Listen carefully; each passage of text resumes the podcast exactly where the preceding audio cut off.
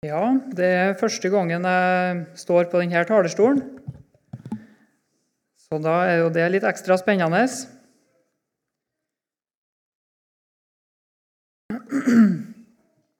Ellers så er det spennende å, å forkynne Guds ord uansett. Jeg skal tro om ordet smelter sammen med et hjerte i dag. Vi skal be. Ja, Jesus, jeg vet ikke om jeg kan bruke sånne uttrykk om deg, men du er kanskje spent, du òg. Og om du får nå et hjerte, om du får eh, bolig, om du får større rom. Jesus, vi takker deg for eh, ditt hjertelag. Vi takker deg for eh, ditt initiativ. Og så ber vi om eh, Den hellige ånd, virksom over den enkelte. I Jesu navn. Amen.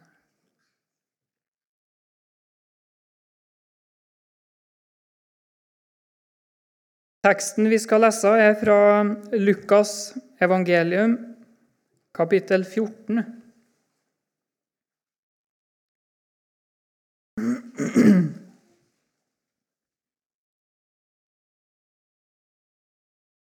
Vers 25. Og jeg leser til og med det andre verset i kapittel 15. Lukas 14, 25 i Jesu navn. Mye folk vandret nå sammen med ham, og han vendte seg og sa til dem.: Om noen kommer til meg og ikke hater sin far og mor og hustru og sine barn og brødre og søstre, ja, også sitt eget liv, da kan han ikke være min disippel. Den som ikke bærer sitt kors og følger etter meg, kan ikke være min disippel. For hvem av dere som vil bygge et tårn, setter seg ikke først ned og regner etter hva det vil koste, om han har nok til å fullføre, fullføre det med. Ellers kan det hende at han får bygd grunnmuren, men ikke er i stand til å fullføre. Da vil alle som ser det, begynne å spotte ham og si:" Denne mann begynte å bygge, men var ikke i stand til å fullføre. Eller vil en konge gå i krig mot en annen konge, uten først å sette seg ned og overveie om det er mulig med 10 000 mann å møte en som kommer mot ham med 20 000. Men kan han ikke det, skikker han sendemenn og tinger om fred mens han ennå er langt borte. Slik kan ingen av dere være min disippel uten at han oppgir alt han eier. Salt er en god ting, men når også saltet mister sin kraft, hva skal det da saltes med?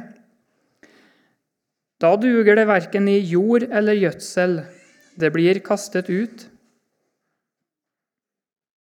Den som har øre å høre med, han hører. Alle tollere og syndere holdt seg nær til ham for å høre ham.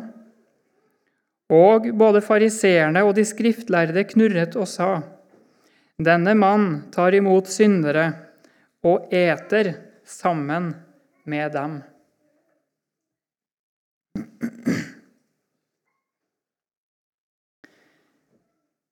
Den som har ører å høre med, han hører.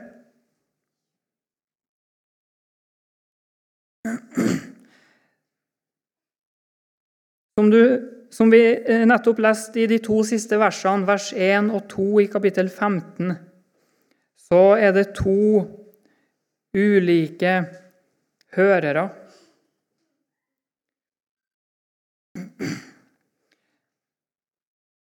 De brukte sine ører forskjellig.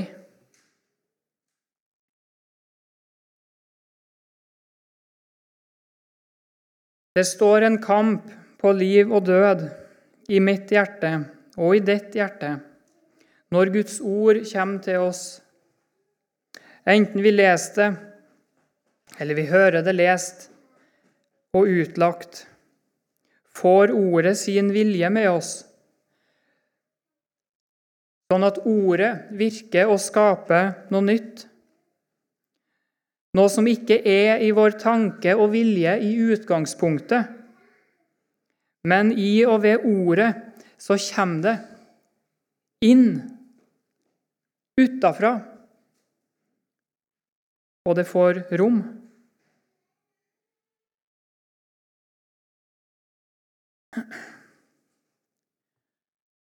Og vi har det noen ganger med å snakke om mange ulike forhold i kristenlivet. Så drøfter vi med hverandre, og så gjør vi oss noen erfaringer osv. osv. Og så etablerer vi tanker og meninger, kanskje noen ganger uten at det har blitt prøvd på Guds ord. Og så skjer det at du kommer under Guds ords hørelse.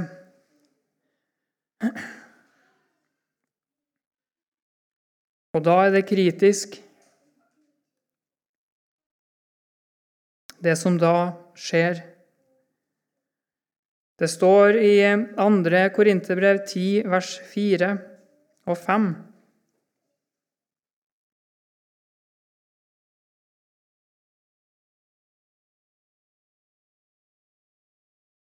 Andre Korinterne 10, 4. For våre våpen er ikke kjødelige, men de er mektige for Gud til å bryte ned festningsverker. Idet vi river ned tankebygninger og enhver høyde som reiser seg mot kunnskapen om Gud, og som tar enhver tanke til fange under lydigheten mot Kristus. Våre våpen er ikke kjødelige, Efeserne 6,17 sier at åndens sverd er Guds ord.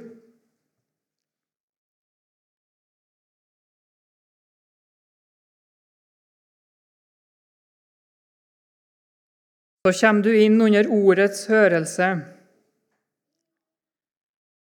og så har du dine tankebygninger og dine høyder som reiser seg mot kunnskapen om Gud. Eller du har tankebygninger som, som gjør at det, det, går nesten av seg sjøl. Men du, du greier å sortere det du hører, på en sånn måte at det ikke angår deg.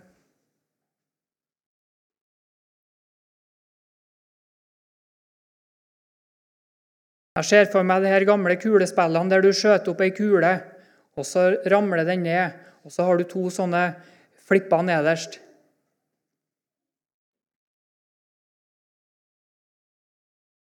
Og så gjør du det du kan for at det ordet ikke skal nå inn, men du får det til å flippe til sida.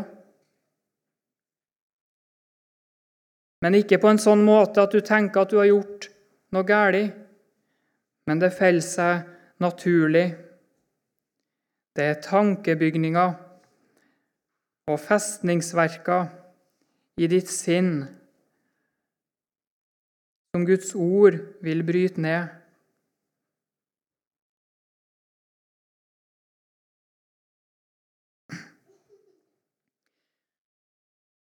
Dersom en kristen kobles fra Guds ord, og Guds ord ikke til stadighet får forme vilje og tanke, da mister òg en kristen sin kraft. Du mister ikke nødvendigvis tankens klarhet eller evnen til å diskutere åndelige spørsmål. Og du mister ikke nødvendigvis frimodigheten heller, ytre sett. Men du mister krafta. Og mister du krafta, så mister du det som er det nyskapende, det som fører vekkelsen inn i ditt liv, det som frelser deg, det som gjør at du har et Jesus-vitnesbyrd i din munn, i ditt hjerte og i dine omgivelser.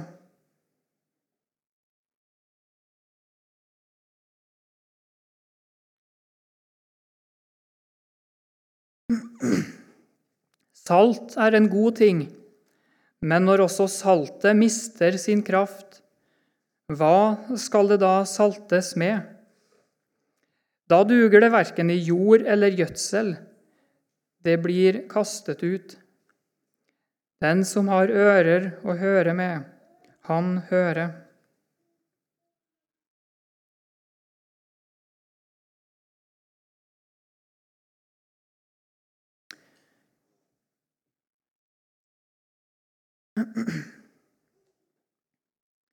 Mye folk vandret nå sammen med ham, og han vendte seg og sa til dem, Om noen kommer til meg og ikke hater sin far og mor, og hustru og sine barn, og brødre og søstre, ja, også sitt eget liv, da kan han ikke være min disippel. Det naturlige mennesket har etter syndefallet et vrangt bilde og forståelse av hva som er godt og vondt, hva som er kjærlighet og hat. Det gode, det er det som eh, hjelper oss å bli værende på den smale vei.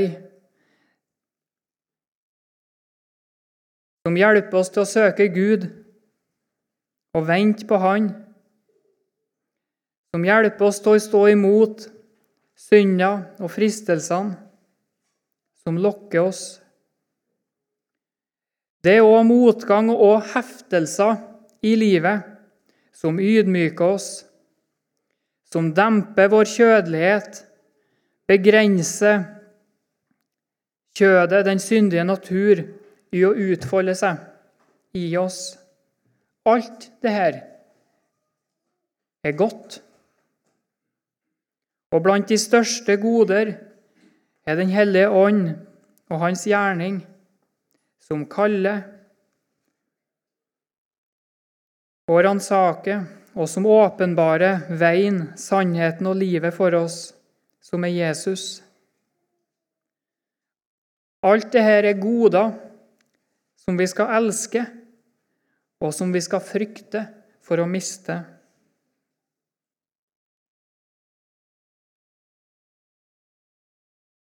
Det onde Vi kan jo enkelt si at det er det motsatte av det jeg nettopp har sagt.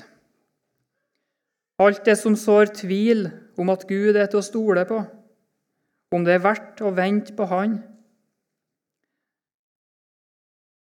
Alt som lokker oss til å ikke være så nøye med småsynder, dem som ikke er så voldsomme og synlige. Syndig, tankeløs, unyttig, tidsfordriv og underholdning som gjør hjertejorda hardtrampa og hindrer stillhet, bønn og bibellesning. Alt som på kort eller lengre sikt vil føre oss bort fra livssamfunnet med Jesus, det er ondt.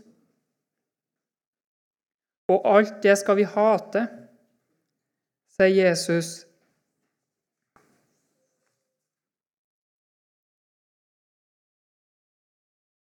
Men hvorfor står det om å hate far, mor, hustru og sine barn og brødre og søstre og sitt eget liv?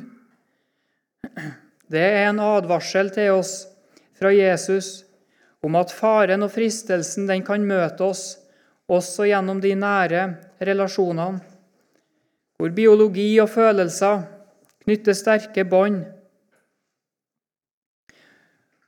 Og Her vil jeg lese et lite avsnitt fra eh, Gullgruben over det avsnittet. Og Der skriver han da bruddet må være så fullstendig at, den, at alt som vil hindre noen i å følge Jesus, må hates. Det som finnes i far eller mor, hustru eller barn, brødre eller søstre, og som hindrer, må hates som djevelens vesen. Og nettopp på denne måten elsker vi dem med en sann og hellig kjærlighet. Dette så vi hos Jesus selv i hans forhold til sin mor. Han viste kjærlig omsorg for henne, selv da han hang på korset. Men det kjødelige sinn hos henne tok han alltid klart avstand fra. Det ser vi allerede da han som tolvåring var i tempelet og svarte på morens irettesettelse.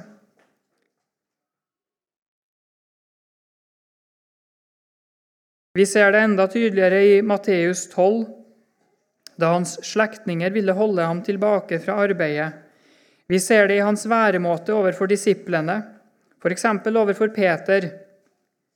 Matteus 16, Vik bak meg, Satan, du er til anstøt for meg. Det er djevelen vi har med å gjøre når våre kjære på forskjellige måter forsøker å hindre oss i å gå den trange veien. Særlig lumske og er djevelens angrep når han forsøker å benytte disse nære og ømme bånd, som kjærlighet og slektskap er, til å forsøke å dra oss bort fra Gud.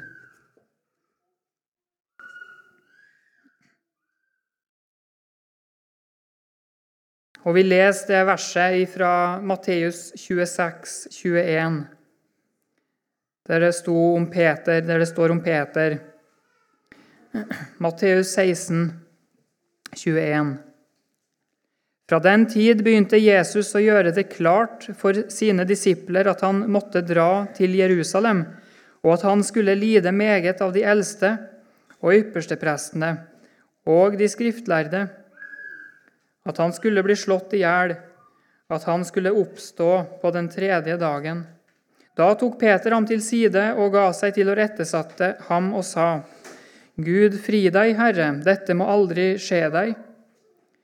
Men han snudde seg og sa til Peter:" Vik bak meg, Satan, du er til anstøt for meg, for du har ikke sans for det som hører Gud til, men bare det som hører menneskene til. Da sa Jesus til sine disipler.: Om noen vil komme etter meg, da må han fornekte seg selv, ta sitt kors opp og følge meg. For den som vil berge sitt liv, skal miste det, men den som mister sitt liv for min skyld, skal finne det.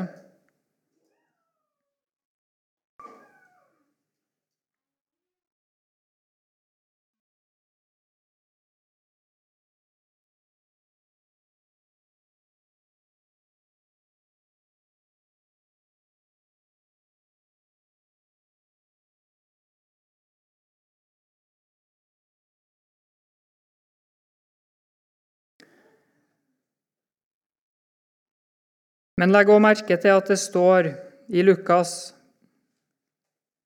i vers 26 også sitt eget liv.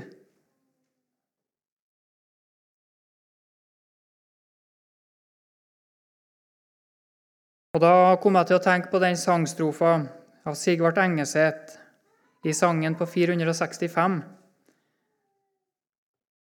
Jeg har bare notert den ene strofen.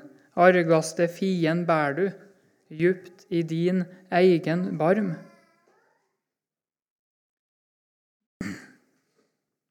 Der er det festningsverk, og der er det tankebygninger. Og der har fristeren en alliert.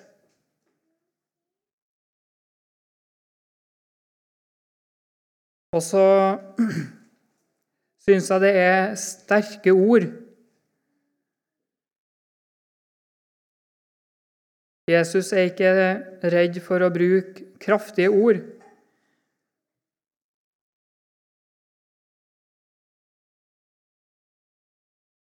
Og Han sier jo det at eh, 'vil du ikke ta opp denne kampen mot det onde', samme hvor det kommer ifra, så er det det samme som å oppgi å være en Jesu disippel. Det står det tre ganger i teksten. Tre ganger. Da kan han ikke være min disippel.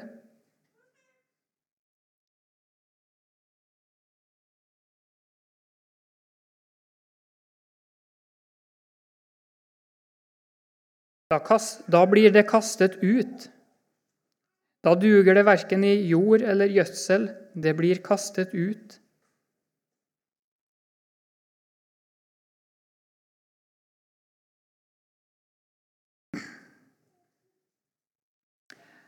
Jeg vil bare kort si at uh, det her er absolutt ikke en opphevelse av det fjerde bud om å hedre far og mor. Eller til du som er ektemann. At du kan være vrang og ukjærlig mot eh, din hustru og dine barn.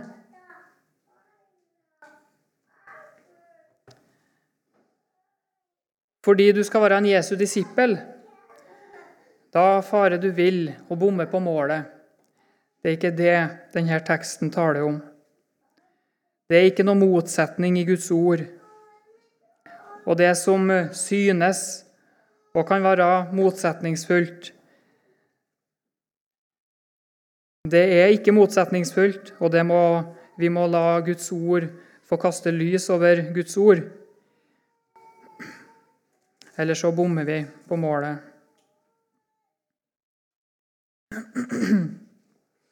Vi leser videre fra vers 28. For hvem av dere som vil bygge et tårn, setter seg ikke først ned og regner etter hva det vil koste, om han har nok til å fullføre det med. Ellers kan det hende at han får bygd grunnmuren, men ikke er i stand til å fullføre. Da vil alle som ser det, begynne å spotte ham og si:" Denne mannen begynte å bygge, men var ikke i stand til å fullføre. Eller vil en konge gå i krig mot en annen konge uten først å sette seg ned og overveie om det er mulig med 10 000 mann å møte en som kommer mot ham med 20 000. Men kan han ikke det, skikker han sendemenn og tinger om fred mens han ennå er langt borte. Slik kan ingen av dere være min disippel uten at han oppgir alt han eier.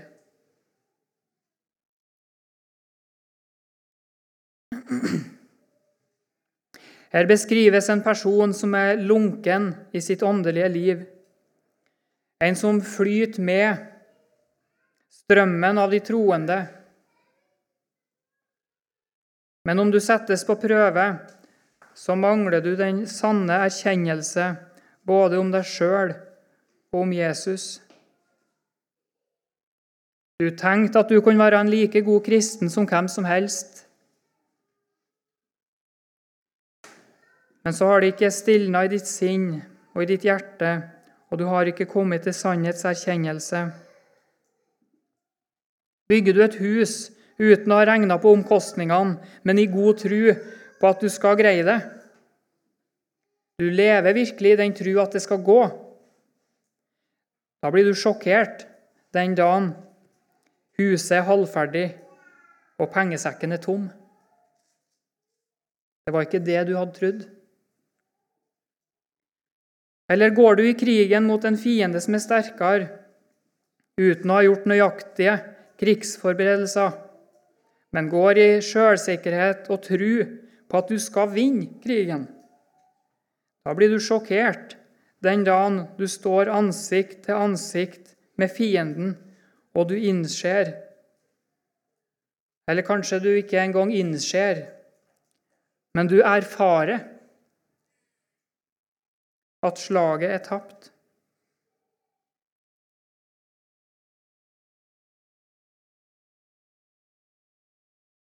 Eh, akkurat det, det bildet om, om, krigen, det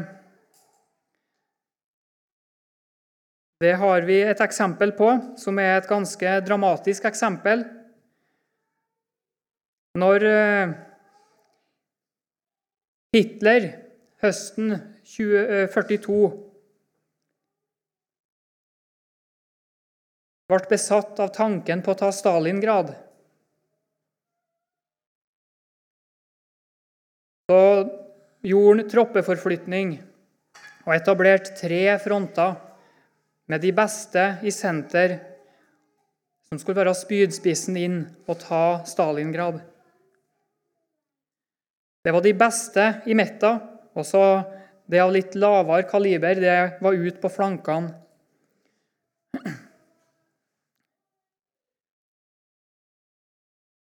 Denne eh, armeen som var spydspissen, det var general Paulus' sjette armé. Og så var det en kar i Moskva som het Stalin, som hadde en eh, general, han òg, som het Lekov. Han oppdaga de her svake flankene. Og så bestemte han seg for å ta flankene og gå bak og omringe hele Paulus' sjette armé. Det var det noen i, i Hitlers nærmeste krets som eh, oppfatta. Og de eh, delte sine bekymringer med Hitler. Men han lot seg ikke advare. Han hadde kommet så langt i sine tankebaner at han lytta ikke lenger til andre, men han stola blindt på sin egen vurderingsevne. Og han tok ikke imot råd, og han ga bare én ordre. Det er Paulus' sjette armé.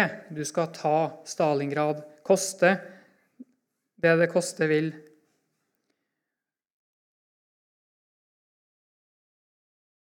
Og enden på den visa, den eh, er ganske så grusom. Han ble omringa og de ble på det nærmeste utsletta, alle mann. Og det også, blir òg betegna som begynnelsen til slutten for denne Hitler.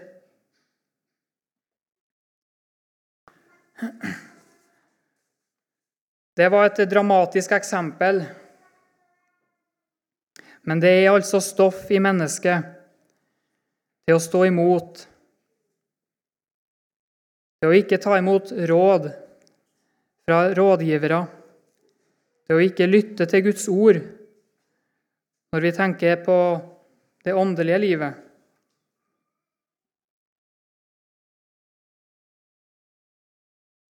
Om du tenker at du kan drive med i de kristnes forsamling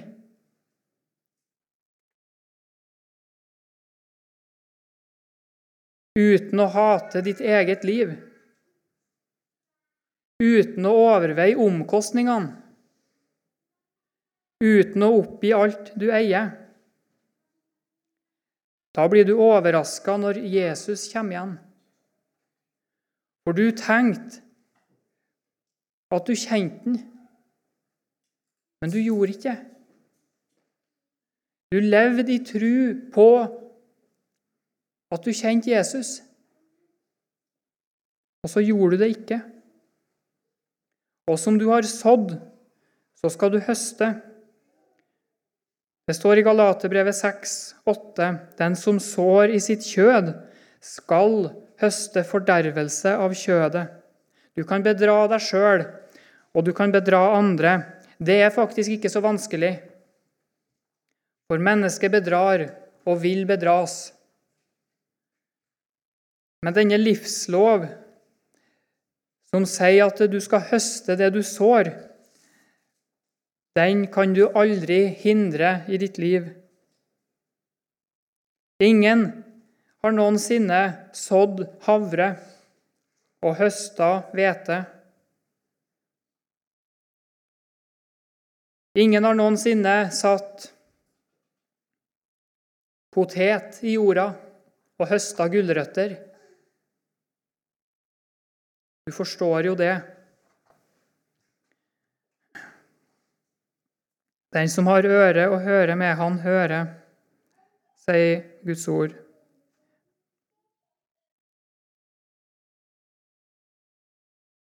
Og Jesus har et ord òg i Johannes' åpenbaring til deg. Johannes' åpenbaring 3,14. Det er brevet som er skrevet til menigheten i Laudikea. Og skriv til engelen for menigheten i Laudikea. Dette sier han, som er Amen, det trofaste og sannferdige vitne, opphavet til Guds skaperverk. Jeg vet om dine gjerninger, at du verken er kald eller varm. Det hadde vært godt om du var kald eller varm, men fordi du er lunken og verken kald eller varm, vil jeg spy deg ut av min munn. Fordi du sier, 'Jeg er rik, jeg har overflod og har ingen nød', og du vet ikke at du er ussel og ynkelig og fattig og blind og naken. Så råder jeg deg at du kjøper av meg gull lutret i ild, for at du kan bli rik, og hvite klær for at du kan være ikledd dem, og din nakenhetsskam ikke skal bli stilt til skue, og øyensalve til å salve dine øyne med, for at du kan se. Alle dem jeg elsker, dem refser og tukter jeg. Derfor, ta det alvorlig og omvend deg. Se, jeg står for døren og banker. Om noen hører min røst og åpner døren, da vil jeg gå inn til ham og holde nattverd med ham, og han med meg.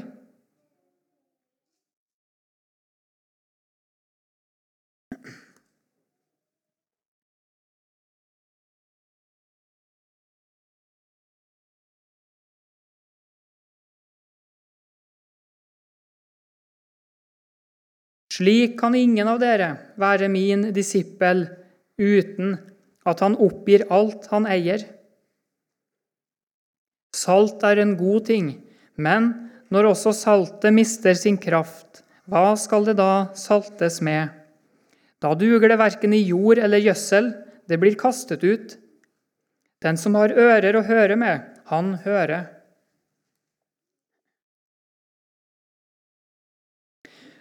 Og så er du her òg, som hater ditt liv du har overveid omkostningene, og du har oppgitt alt du eier. Hva er det for noe? Hør Paulus sitt vitnesbyrd om det i Filipperne 3.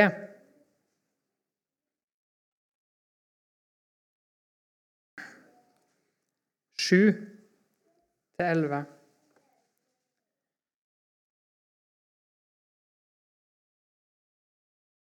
Men det som var en vinning for meg, det har jeg for Kristi skyld aktet som tap.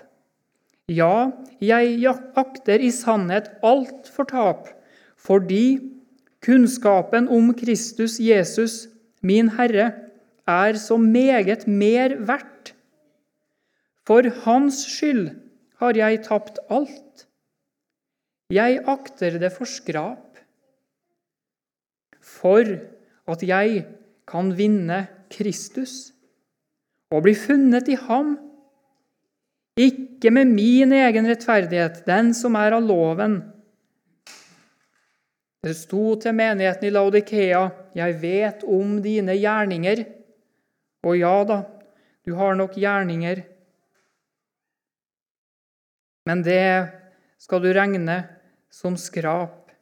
For å bli funnet i ham, ikke med min egen rettferdighet, den som er av loven, men med den jeg får ved troen på Kristus, rettferdigheten av Gud på grunn av troen, så jeg kan få kjenne ham og kraften av hans oppstandelse og samfunnet med hans lidelser, i det jeg blir gjort lik med ham i hans død, om jeg bare kunne nå fram til oppstandelsen fra de døde.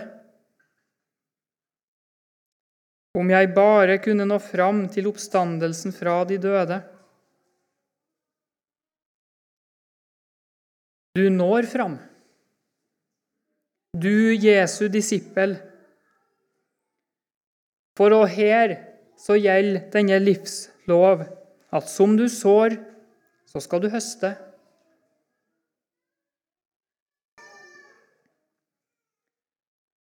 Og følger du Jesus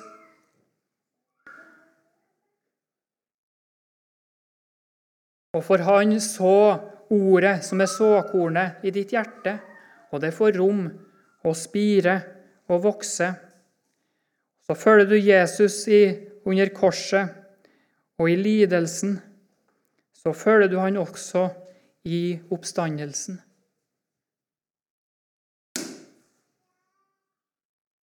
Du skal høste om du sår i Jesus.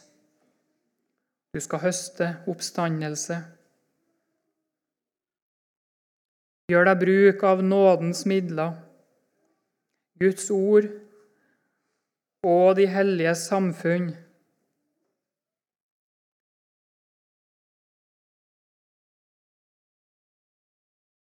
Kom i hu at vi har denne skatt i leirkar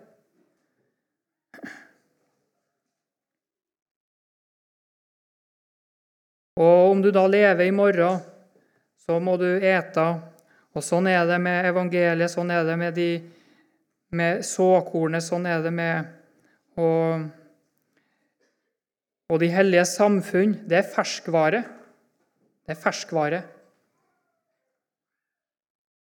Og samme hvor ferskt og deilig brød du åt til frokosten i dag, så hjelper det deg ingenting på onsdagen. Sånn er det. Og der er de hellige samfunn gitt oss til hjelp. Og jeg vil si ta imot den hjelpa, ta imot og leve i de hellige samfunn.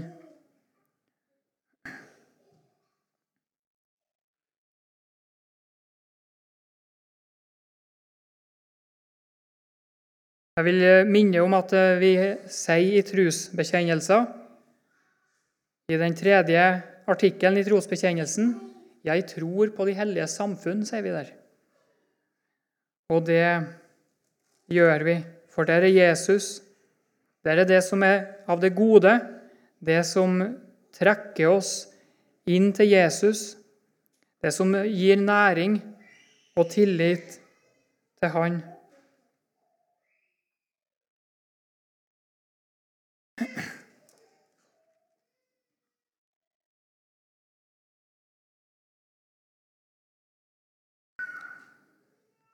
Og da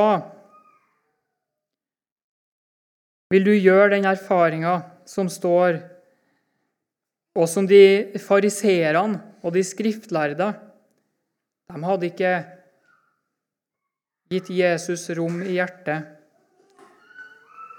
Men gjør du det, så skal du allikevel erfare det de sier.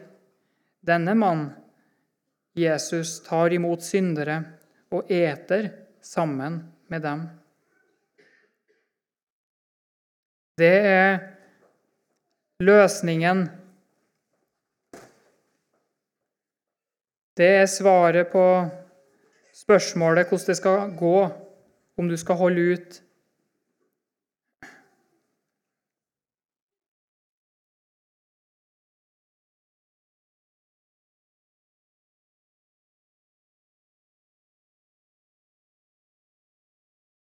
Til slutt så vil jeg lese sangen på nummer 470.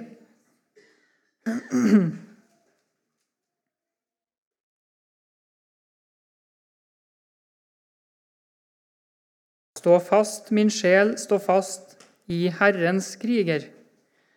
Tenk hvilken skam og last om Gud du sviker.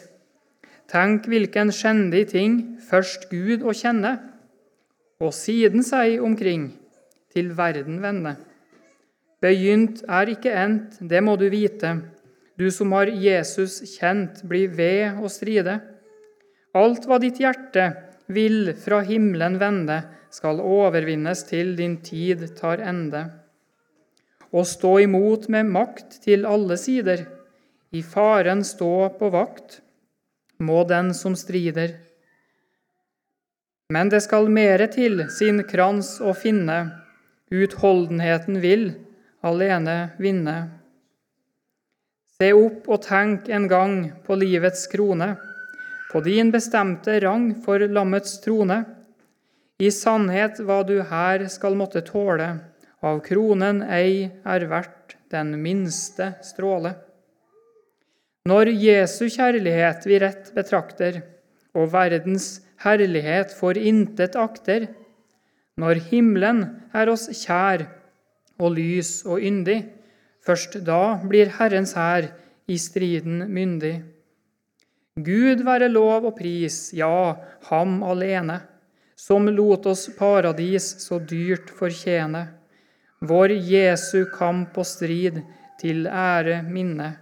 Vi vil vår korte tid, vi vil vår korte tid stå fast og vinne. I Jesu navn. Amen.